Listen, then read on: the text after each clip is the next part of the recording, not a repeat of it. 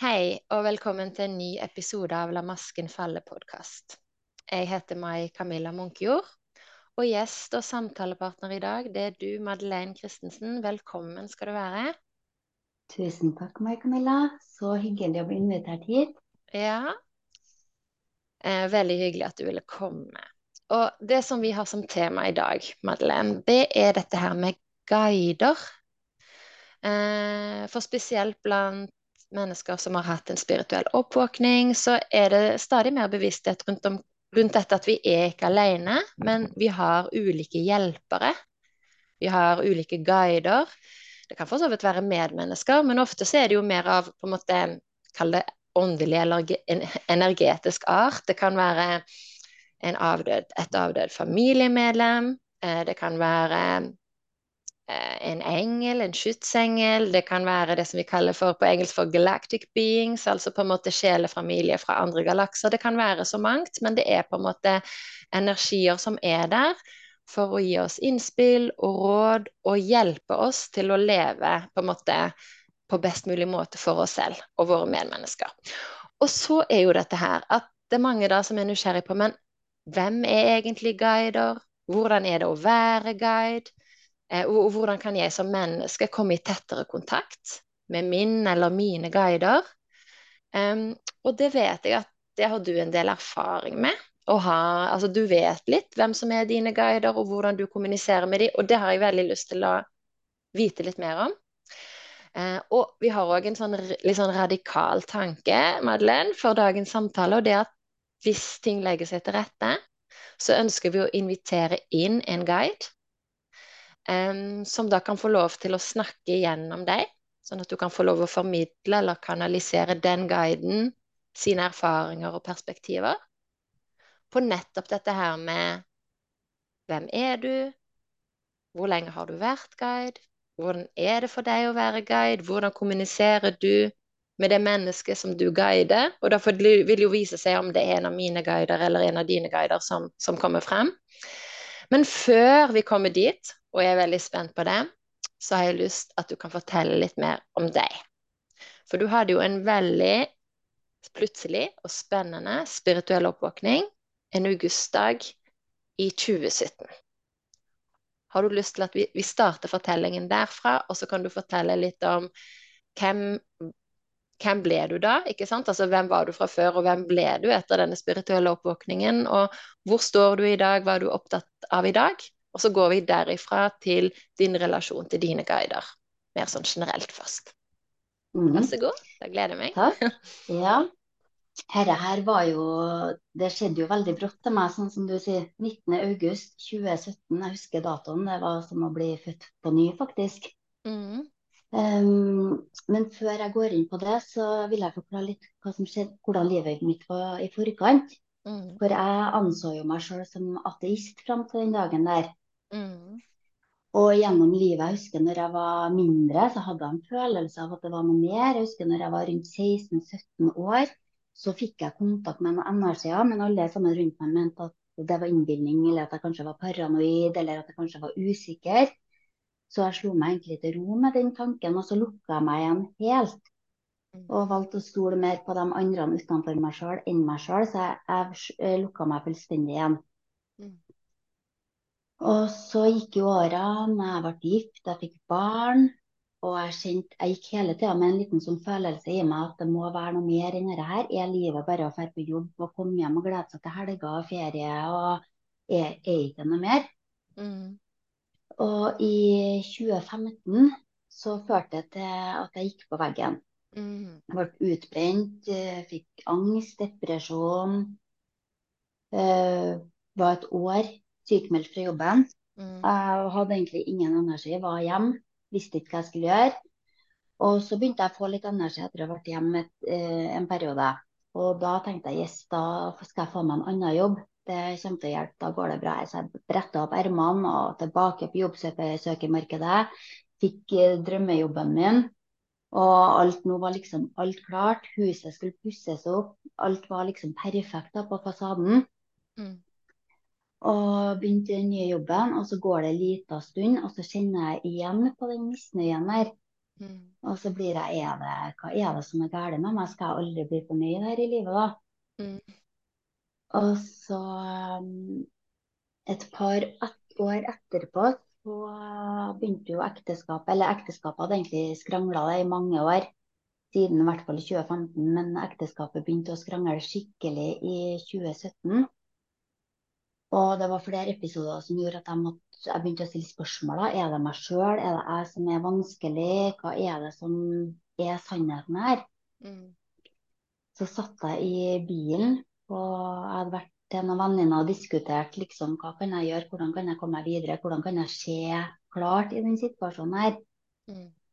Og det er jo vanskelig for noen andre å svare på det, det er jo et svar du har i deg sjøl. Jeg husker jeg satt i bilen på vei hjem, og jeg var jo som sagt anså meg som ateist, jeg trodde ikke på noe mer, men jeg var så desperat. Jeg satt og skreik og hulka, og så kom jeg på greit. Hvis det finnes noe mer nå, er det en himmel, er det noe mer som eksisterer, så er det nå jeg trenger hjelp av deres. Og eneste jeg visste som jeg hadde en nær relasjon til, som hadde dødd det siste, det var det som nå er min eks-svigerfar, men som var min svigerfar. Mm. Så jeg ba han om hjelp, selv om jeg ikke trodde på noe annet. Så sa jeg bare vær så snill, hjelp meg å se klart.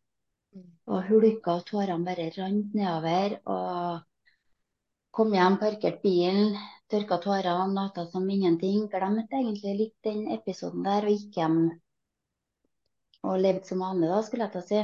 Mm. Og så går det noen dager, så skjer det den ene situasjonen etter den andre, der jeg på en måte blir utfordra på grensene mine. Og det var interessant, for at grenser var ikke noe jeg hadde altså Før så hadde jeg tatt på meg all skyld, jeg hadde funnet meg i det meste. Jeg hadde tatt alt ansvaret over på meg sjøl, istedenfor å fordele det eller plassere, plassere det andre plasser. Mm. Men den gangen her så bestemte jeg meg for å stå opp for meg sjøl. Jeg var så nervøs, jeg hadde aldri gjort det før og sagt min mening og ytra mine meninger, men jeg gjorde det likevel. Mm. Og når jeg gjorde det, så bare kjente jeg liksom brusing i kroppen min. Det var som at det var en ny del i meg sjøl som eh, ble vekk til live. Mm. skjedde først i en situasjon i en eh, vennerelasjon, og så skjedde det i arbeidssituasjonen. Og så sto jeg hjemme den Det var en lørdag 19. august 2017. sto jeg hjemme på stuegulvet, og så reflekterte jeg over de situasjonene her jeg hadde stått opp for meg sjøl. Mm. Og så sa jeg høyt at selvfølgelig kan jeg jo si ifra. Jeg er jo meg. Og i det sekundet der Jeg får så mye frysninger når jeg snakker om det. Det var så sterkt. Mm. Åh, det var som at hele, det var som at en sterk del inni meg bare hadde venta på den erkjennelsen der. At den hadde venta på at jeg skulle se den, at jeg skulle huske på hvem jeg, skulle, hvem jeg er. da. Mm. Og det kom en bølge av energier som bare rensa ut masse lag. Jeg så liksom her foregikk kanskje på et minutt eller noe, men det virka som flere livstider, egentlig. For at jeg så gjennom mange lag da, med trossystemer, ting jeg hadde båret gjennom meg som egentlig ikke var mitt å bære. Mm. Ting som hadde fått meg til å glemme fullstendig hvem jeg egentlig var i det livet her, da. Mm. Og det var så sterkt. Og jeg kjente eh, Altså, når jeg kom tilbake til meg sjøl, så var han eh, som jeg var gift med den gangen, han var jo hjemme. Så jeg bare wow. Så du det lyset? Så du hva som skjedde her nå, eller? Mm. Og han hadde ikke sett noe, selvfølgelig, for dette her var jo prosesser som foregikk veldig sterkt og intenst inni meg sjøl. Mm. Og jeg kjente umiddelbart at jeg må gå og meditere. Folk hadde prøvd å få meg til å meditere i mange år, men jeg var sånn, nei, det der er ikke noe særlig for meg. Mens nå var jeg intuitiv, for jeg må gå og meditere. Jeg må ha svar på hva som skjedde nå. Mm.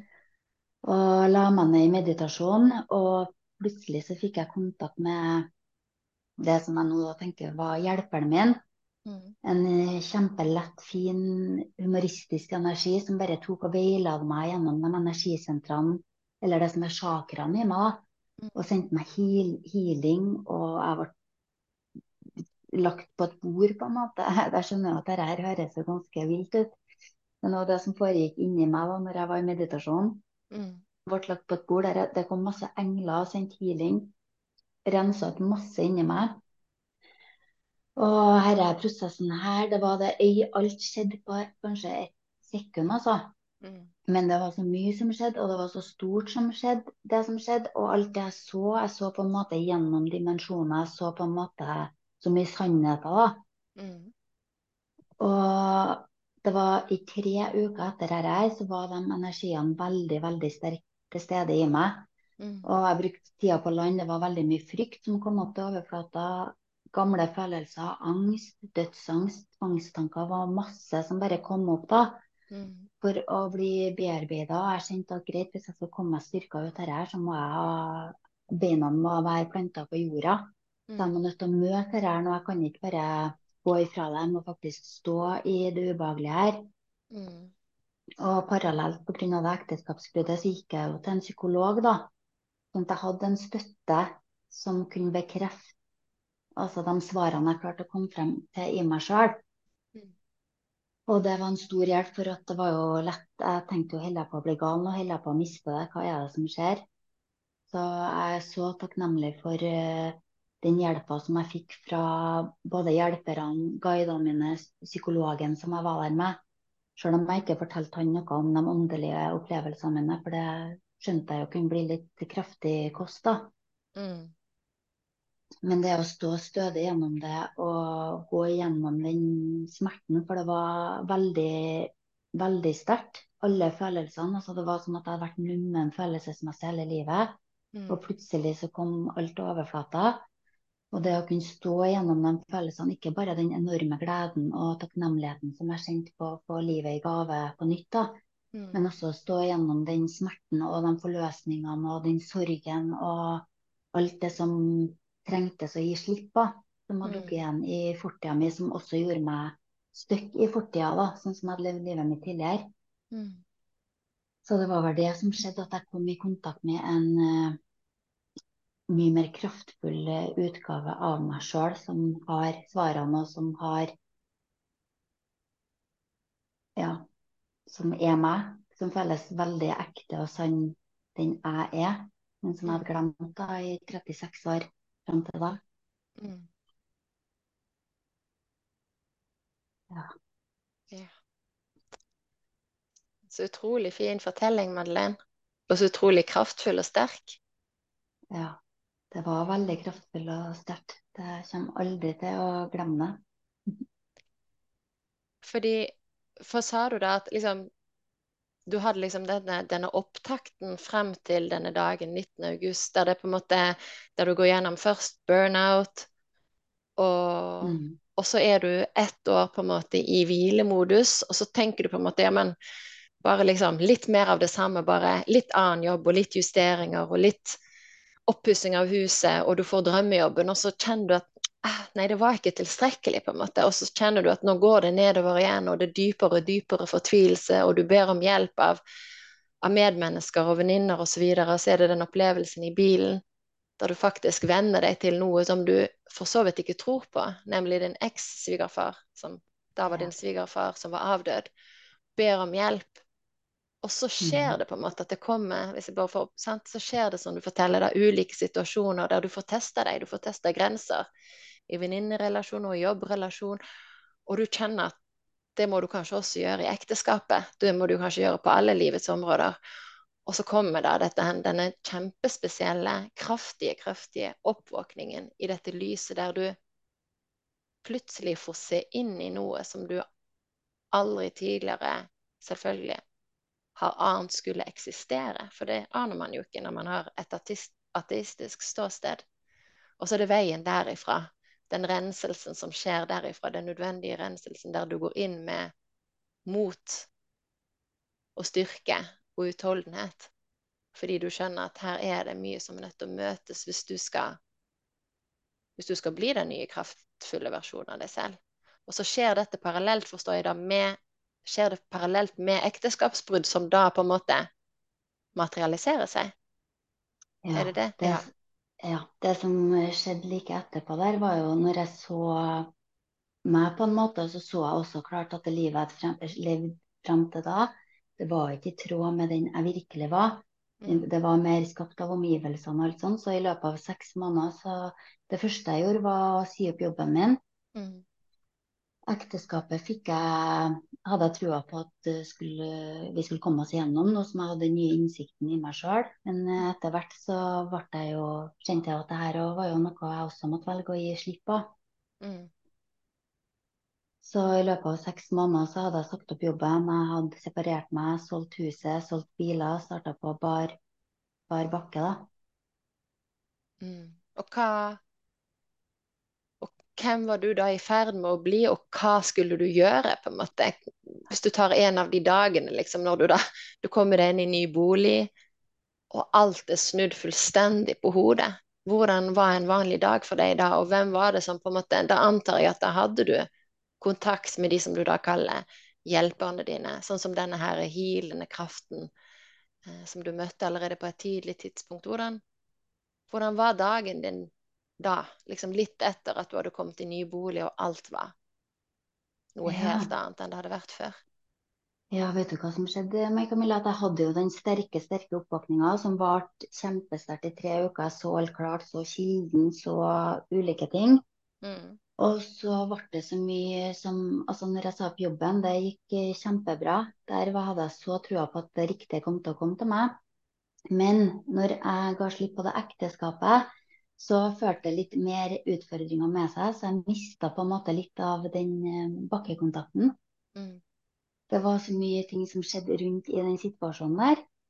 Og Mm. så hadde jeg samtidig i den oppvåkninga så ble det Jeg så at det er mye mer her enn hva vi ser med det blotte øyet. Jeg kom i kontakt med det i meditasjon.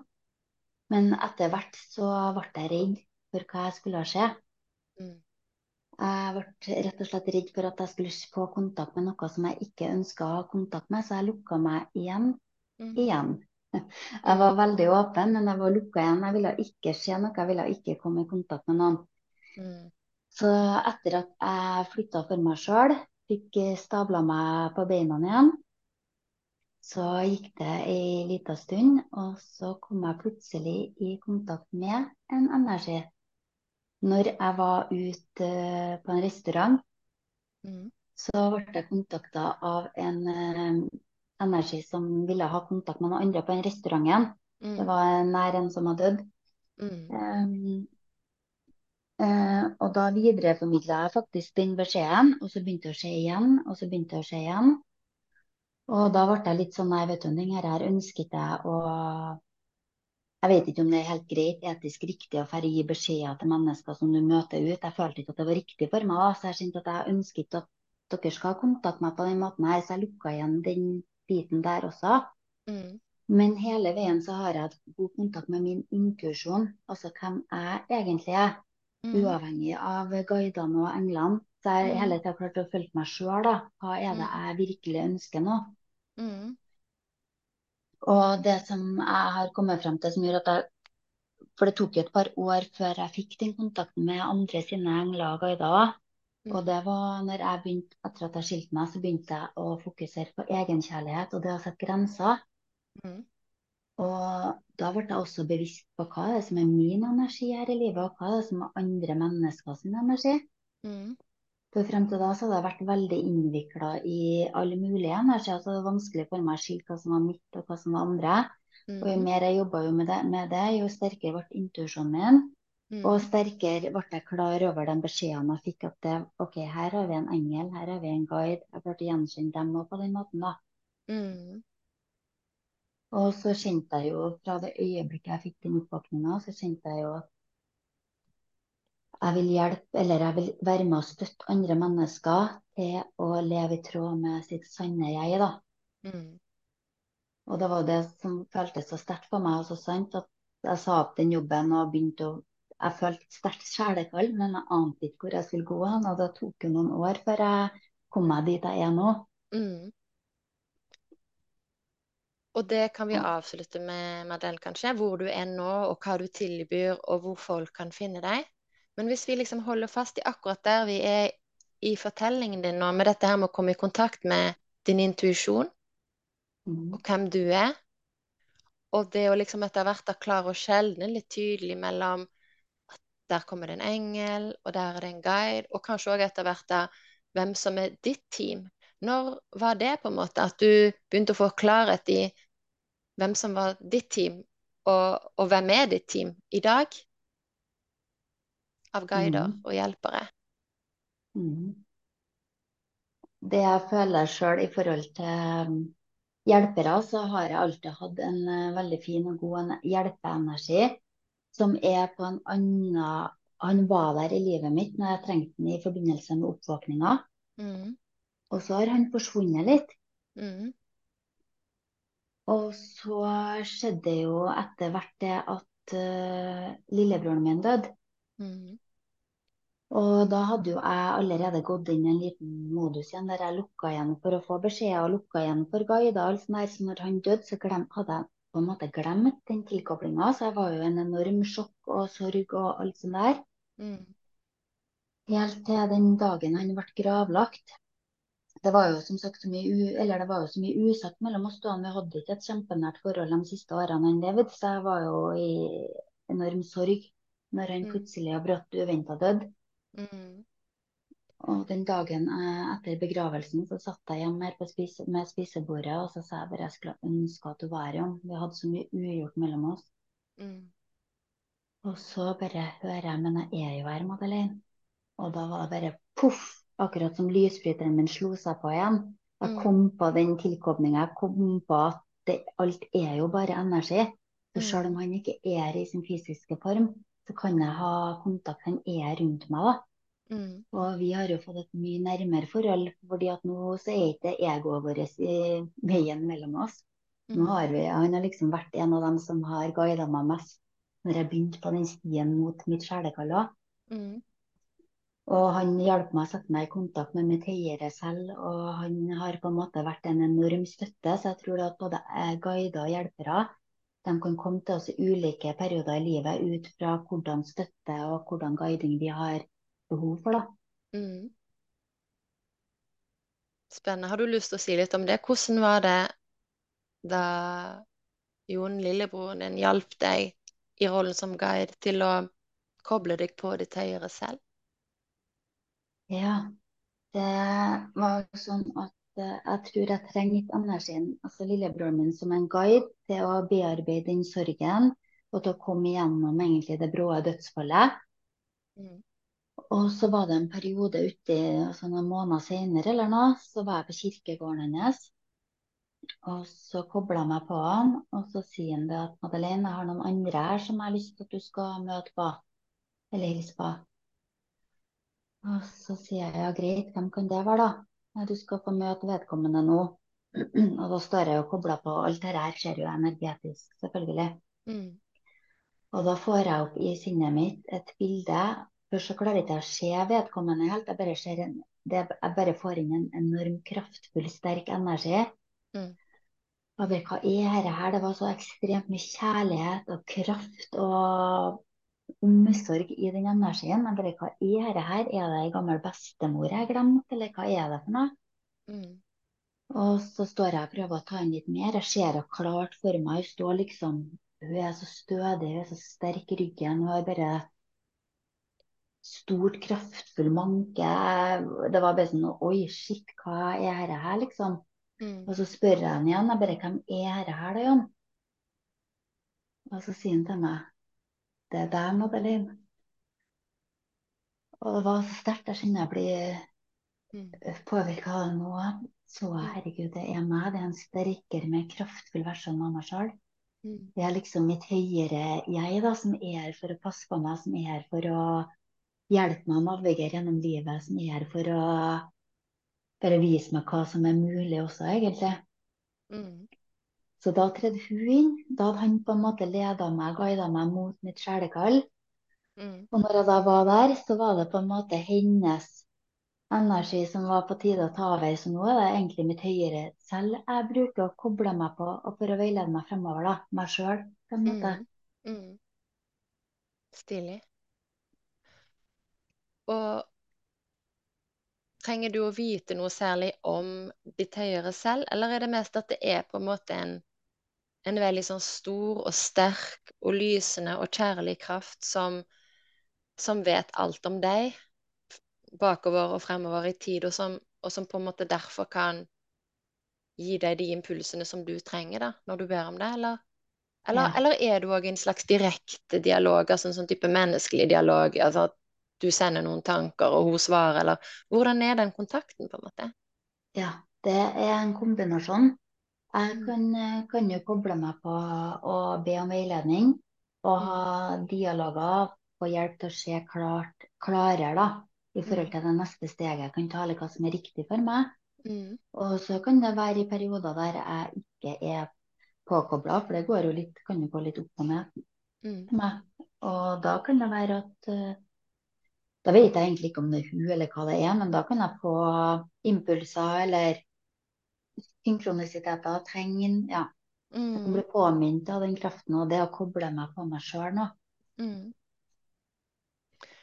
Og de impulsene du får, og de synkronisitetene og intuisjon, hvordan henger de tingene sammen? Altså, hva er på en måte din intuisjon?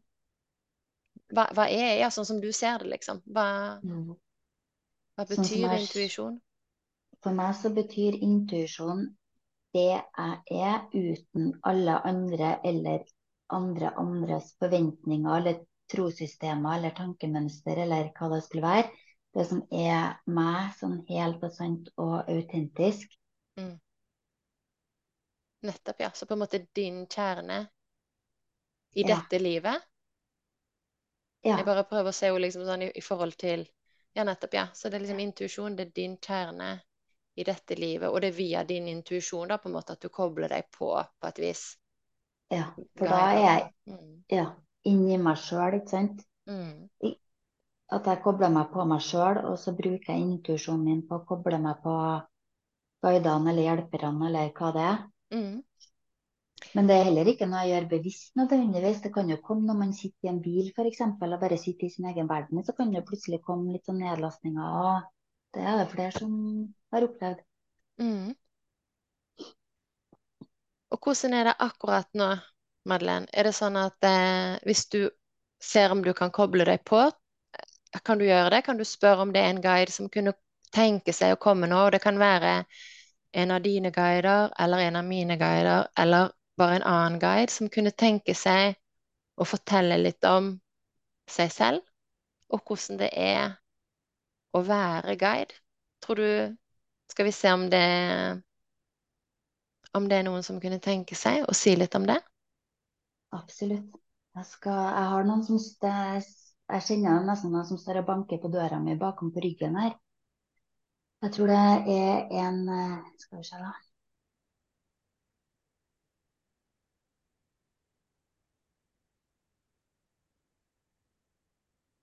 Jeg får, det som er her nå, Camilla, er en uh, engleenergi. En Mm, sterk, sterk engleenergi. mm. Så du kan stille spørsmål, da, så kan jeg se hva som kommer gjennom her. Ja.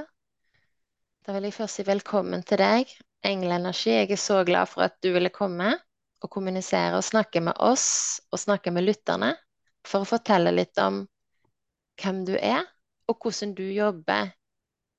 Er du en skytsengel? Kan jeg spørre om det først? Det som vi ofte kaller for skytsengel? Hva mener du med skytsengel? Ja.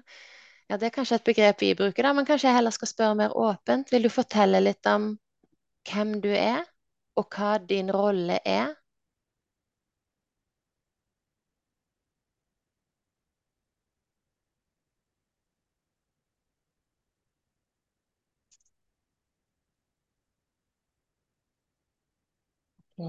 Det som jeg får inn nå, er at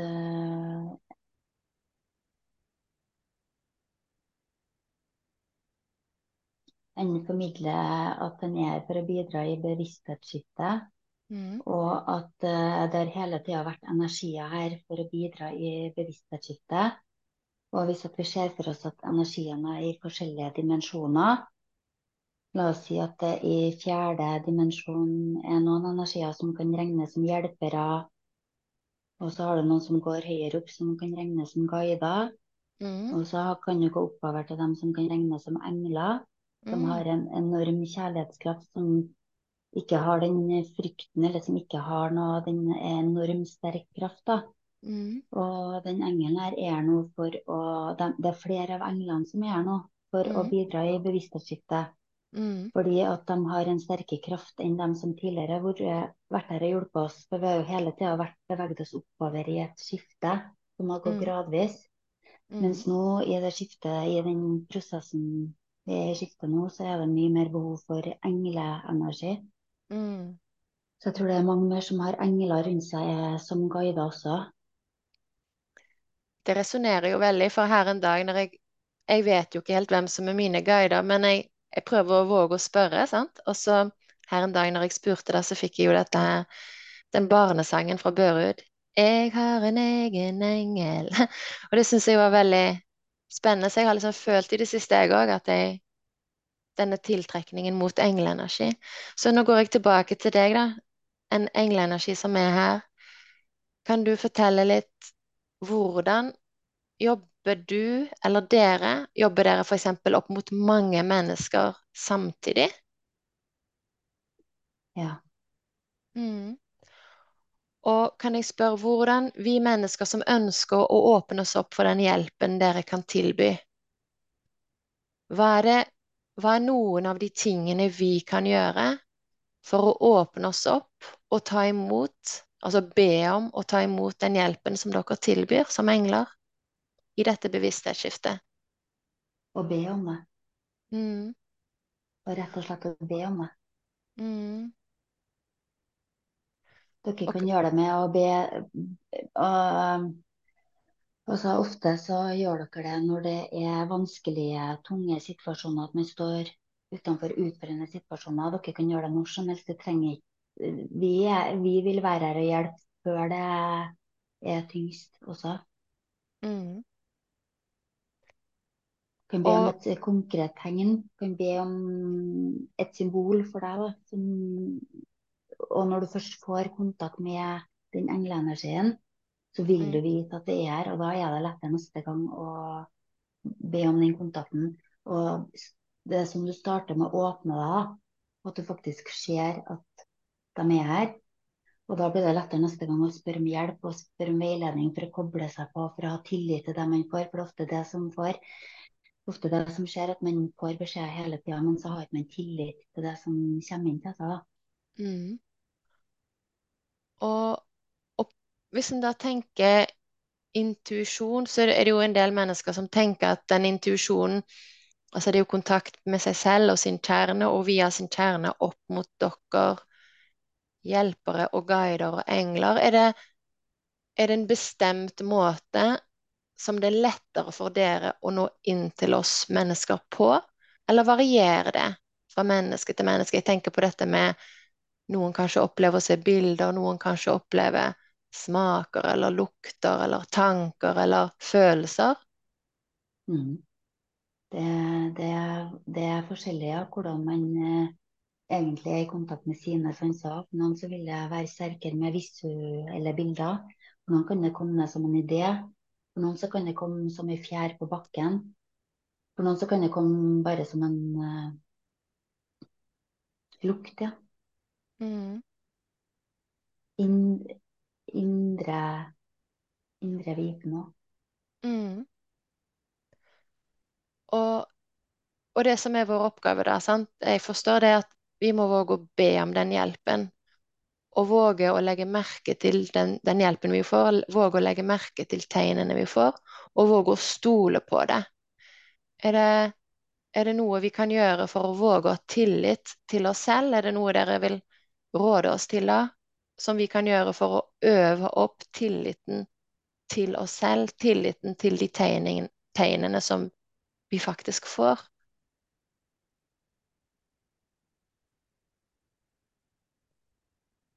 Ja, det er det. Og det som kommer opp til meg nå, er, er et budskap av å gå i møte med sitt høyere selv. Mm.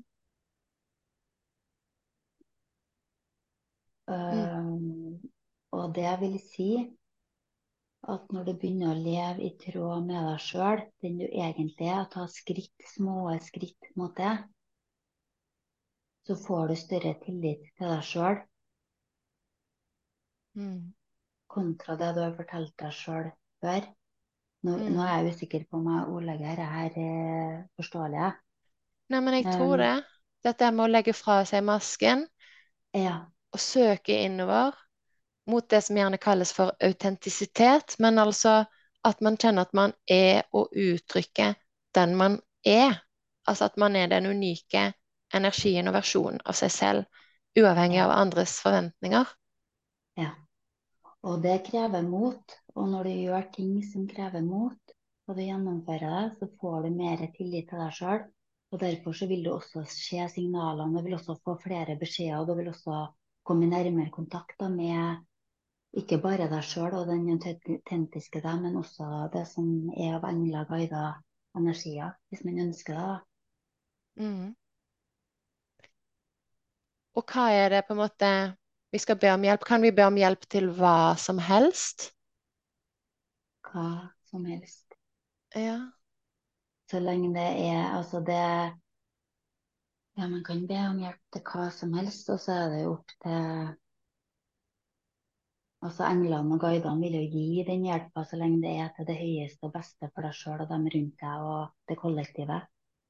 Mm, ja, for det er det som er viktig at Forstår jeg det riktig? At for, det, for da er det viktig at vi ser på oss selv både som mennesker, men som en del av en helhet, og at når vi ønsker å oppnå noe, så er det det som er til beste for, som du sier, høyeste beste, altså til, til det beste for alle som er involvert Ja. i en bestemt Mm. sak. Og at Mm. av og til så ser vi kanskje ikke den løsningen selv, så det er ikke alltid, er det sånn, vi trenger ikke alltid å vite nøyaktig hva vi ber om, men at vi ber om hjelp og råd og innspill, sånn at vi kan, sånn at vi kan få hjelp til å se hva som vil være den beste løsningen, eksempel da, Ja. i en gitt Mm. situasjon. ja. Mm. Ofte så vet vi jo heller ikke hva det er vi vil ønske. Sånn at det å stille et åpent spørsmål, eller bare 'vær så snill, jeg trenger hjelp', kan gi meg noe veiledning. Og da vil de tingene som du trenger å ta en nærmere titt på, det vil dukke opp av situasjoner rundt deg, f.eks. Mm. Ja, det kan dukke opp i form av situasjoner, podkastepisoder, Spotify-sanger, et boktips som du bare kjenner at yes, denne boken må jeg faktisk lese.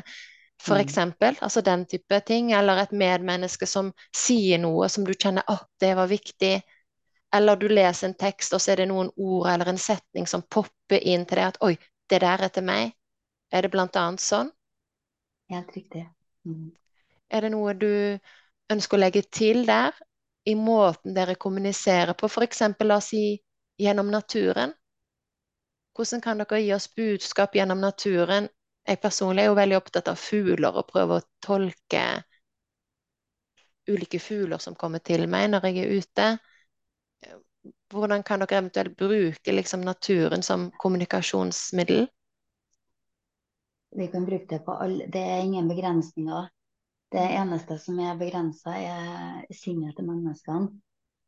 Men eh, det finnes ingen begrensninger. Så det du tror, hvis du tenker at det, den fuglen her er et tegn at det betyr noe spesielt for deg, så er det sant. Da betyr det noe spesielt for deg. Så Mm. det er hva enn du ser i, om det er i naturen, om det er hjemme, om det er i en sang, så lenge det gir mening for deg, så er det det som er meninga for deg, da. Selv om det ikke gir mening for noen som helst andre. Mm. Og i naturen så er det jo mye tegn hele tida. Der kan du gå, du kan se hjerteforma blad av løv. Mm. Du kan høre fuglekvitter som høres ut som noe som kanskje gir deg et ord som du Mm. skal bli bevisst på. Det er ubegrensa muligheter. Det er bare opp til deg å se dem. Mm. Kan jeg også spørre, samarbeider dere engler med guidene og med hjelperne? Alle, alle i den eh, høyere bevisstheten samarbeider. Mm. Og så skjer liksom arbeidsdelingen, holdt på å si det jeg ville kalt for sånn organisk? Eller hvordan av Ja, liksom det er kanskje et veldig sånn menneskelig spørsmål, og det liksom jeg som lurte på som organisator. Hm, hvordan fordeler dere er oppgaver her? Vi skriver ikke liste. Alt. Her går alt energetisk. Ja. Så det trenger ikke å avklares. Det er ikke noe kontroll. Det er ikke sånn det fungerer i de dimensjonene her. Mm. Og det er ikke sånn at vi bare er, er til stede for menneskene. Vi er jo jobbe høyere dimensjoner med andre ting som foregår bak kulissene òg, skulle jeg til å si. Mm. Det er mye Vi er multidimensjonale, så det, Mm. vi kan være overalt.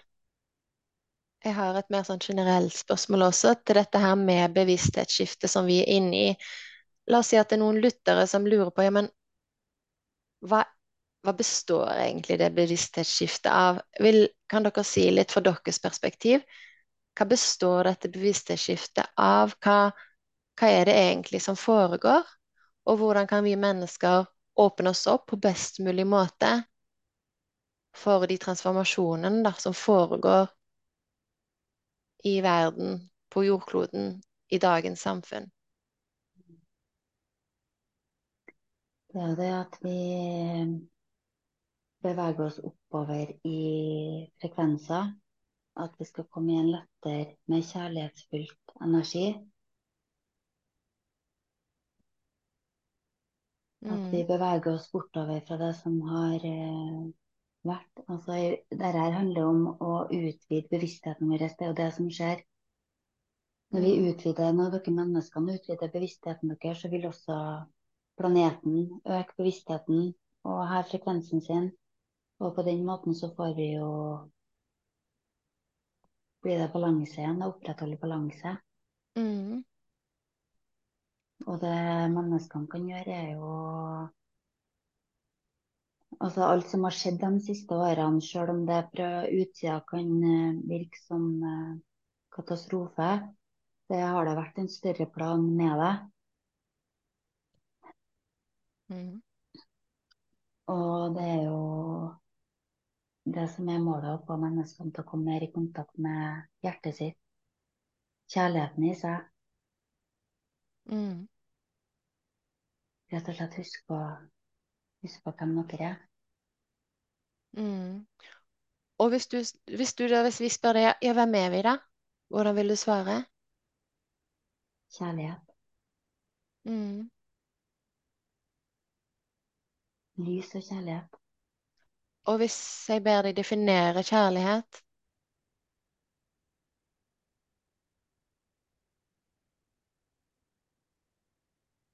Går det an å definere det uten at det blir satt noen rammer rundt det? Hvordan det nei, men det er kanskje fint, da. Altså, det betyr at det er evig og grenseløst. Ja. Mm. ja. Det er evig og grenseløst. Det er alt og ingenting. Mm. Og det som kommer til meg, er at vi holder på Stemmer det at vi liksom, det vi holder på nå, er å bevege oss bort fra polaritet, det binære, mot, mot en sånn slags Om vi skal kalle det for oneness eller sammensmeltning, men i alle fall bort fra forståelsen av at, at det må kjempes, og at det er for lite, og at vi må krige og sette opp grenser og ha regler og straffer, og så mot på en måte en sånn forståelse av at abundance på engelsk, da. At det er nok Mm. til alle. Har du noen kommentarer til det? Det er helt sant. Det er helt riktig, det som du sier. Og vi måtte på en måte komme oss hit der vi er nå, da, for å komme til den vannesen. Mm. Et spørsmål til bare sånn avslutningsvis. Jeg har jo personlig hatt en sånn ganske kraftig smell i veggen, og Madeleine også hadde det. Eh, Er det sånn at alle mennesker på en måte er dømt til å måtte smelle i veggen før de velger å Eller før vi velger å åpne opp for at vi kanskje At det er noe mer her, da, og at vi er her for en annen grunn enn å løpe veldig, veldig, veldig fort i hamsterhjulet? Hva er det som kan hjelpe oss mennesker til å velge å stoppe opp før vi blir syke, før vi smeller i veggen, før vi på en måte har tynt oss til det ytterste? Mm. Det er overhodet ikke nødvendig å gå på en smell eller å tyne seg i det lengste før man våkner opp, da. Faktisk så er det vel så bra, om ikke bedre, å gjøre det fra en tilstand der man er tilfreds og har det greit i livet sitt. Men vi er Eller menneskene er kanskje da programmert til å tenke at man må dra seg sjøl. At man må jobbe knallhardt. At man må nødt til å komme til den smellen før man stopper opp og våkner. Mm. Men det er ikke en sannhet. Det er ikke noe som må til for at man gjør det. Mm. Og et par spørsmål til. Dette her med selvkjærlighet, som vi vet kognitivt er veldig viktig, men som mange av oss har vansker med å klare. Altså jeg personlig har vanskeligheter med å kjenne, vanskeligheter med å føle at jeg elsker meg selv. Eh, og jeg vet litt hvor blokkeringene ligger, men har du da et budskap til meg i forhold til, til meg og til andre som sliter med det samme? Til andre som sliter med å, å føle seg dypt verdifulle og føle at de elsker seg selv. Hvor, hvor kan vi gå for å Mm. få hjelp til det? Mm. Du er jo kjærlighet, og du er jo verdifull. Alle er jo det. Det, det kan jeg forklare så enkelt som at alle menneskene har sine egne verdier. For det at man er et menneske som er på jorda, har verdier. Uavhengig av hvordan verdier man har, så har man verdier ergo man er verdifull. verdifull. Men Mm. det å bli bevisst på verdiene og leve i tråd med de verdiene, altså sånn at du handler, tenker og føler i samsvar med de verdiene, da kan du bli minnet på verdien din, da. Og også den kjærligheten du er. Mm. Og så ser jeg for meg nå et puslespill, og at et svært, svært puslespill, og at vi alle er vi er en del av det puslespillet, men vi er samtidig de unike brikkene. Sånn at vi skal ikke nødvendigvis være kopier av hverandre, men vi skal være den brikken vi er. Hvis alle prøvde å være akkurat lik, så ville jo ikke puslespillet gå i hop. Sin helt unike verdi har jo alle sammen. Mm. Mm. Mm. Ja. Har du noe du har lyst til å legge til til slutt?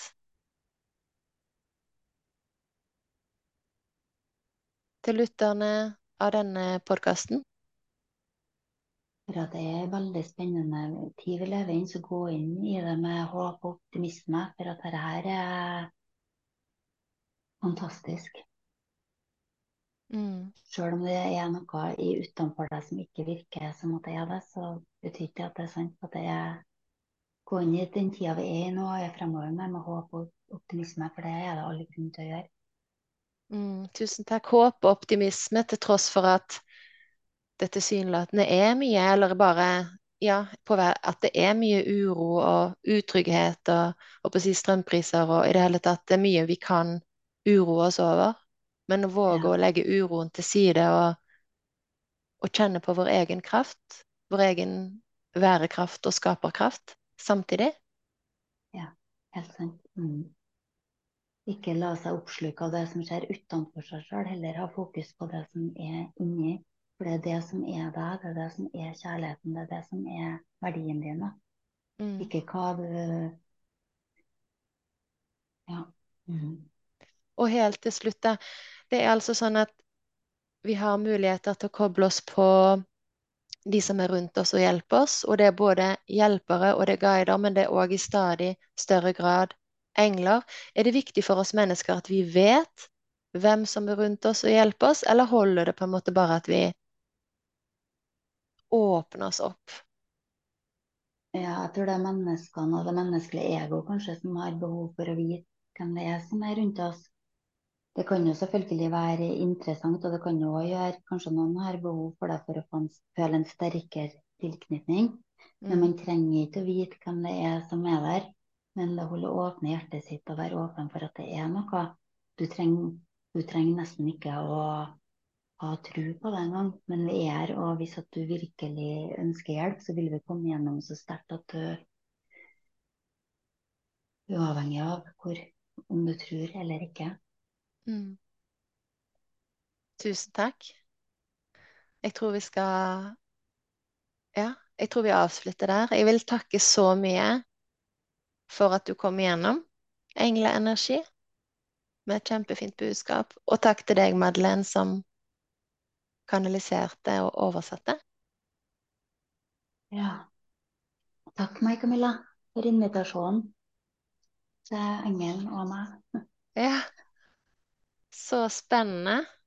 Vi må høre, vi må jo høre igjennom etterpå, eh, men eh, jeg vet jo allerede at eh, jeg tror det er veldig spennende for mange av lytterne og for oss. Ja.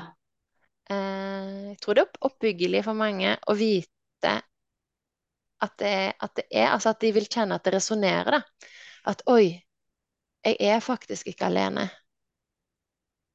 Jeg kan faktisk be om hjelp.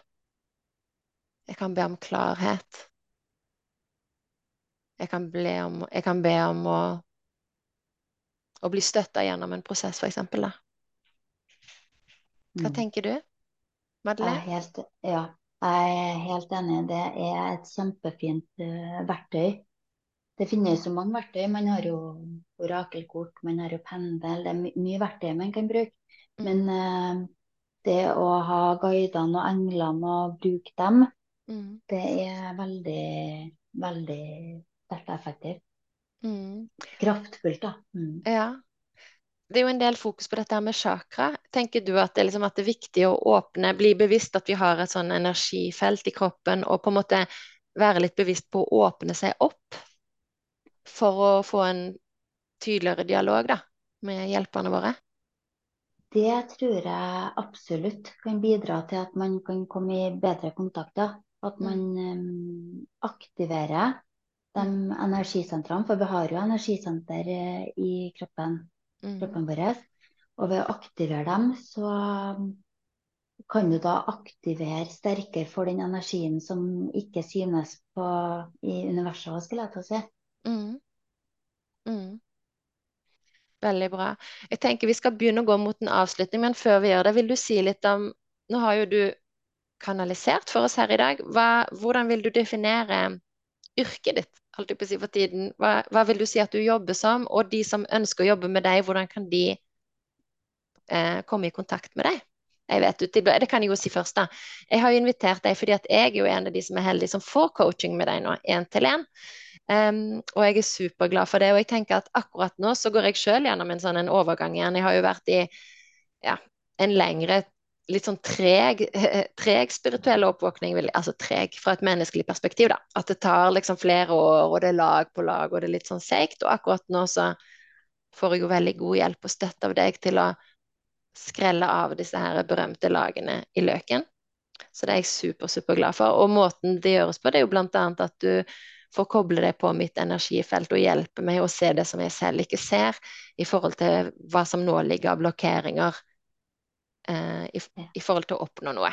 Men liksom, ja. Ja. Med det mm, Og det er jo en ære, Mai Camilla, å gå den veien her sammen med deg. Det syns jeg er så fantastisk fint. Og også det å kunne støtte noen som er på den samme reisen da, som, eh, ja, som vi er Mm. på. mm, Og måten jeg jobber nå, det er jo én til én. Der har jeg egentlig bare noen få som jeg jobber med på en gang. mm, åpner seg en ny mulighet i november. mm, Ellers så har jeg et gruppeprogram, åtte ukers gruppeprogram for dem som ønsker å finne sitt sjelekall, sitt purpose. mm. Og så har jeg jo, skal jeg jo ha holde retreat i Spania. Er det fortsatt ledige plasser? Det er fortsatt ledige plasser. Vi skal til Spania 20. til 25. november på et retreat som er altså dem som er her på den samme reisen, kan vi si da. Som Mm. ønsker å vokse, som ønsker å ha et fellesskap. Ja. Mm.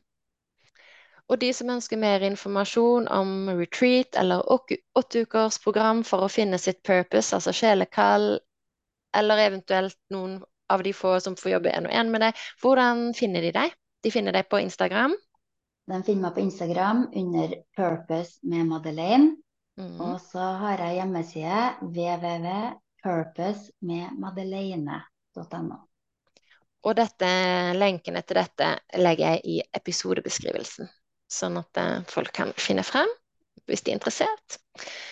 Ja, har du noe da som du har lyst til å legge til avslutningsvis? Gjerne om hvordan var det for deg å på en måte kanalisere eller fortolke englekraft sånn, på direkten i hermetegn?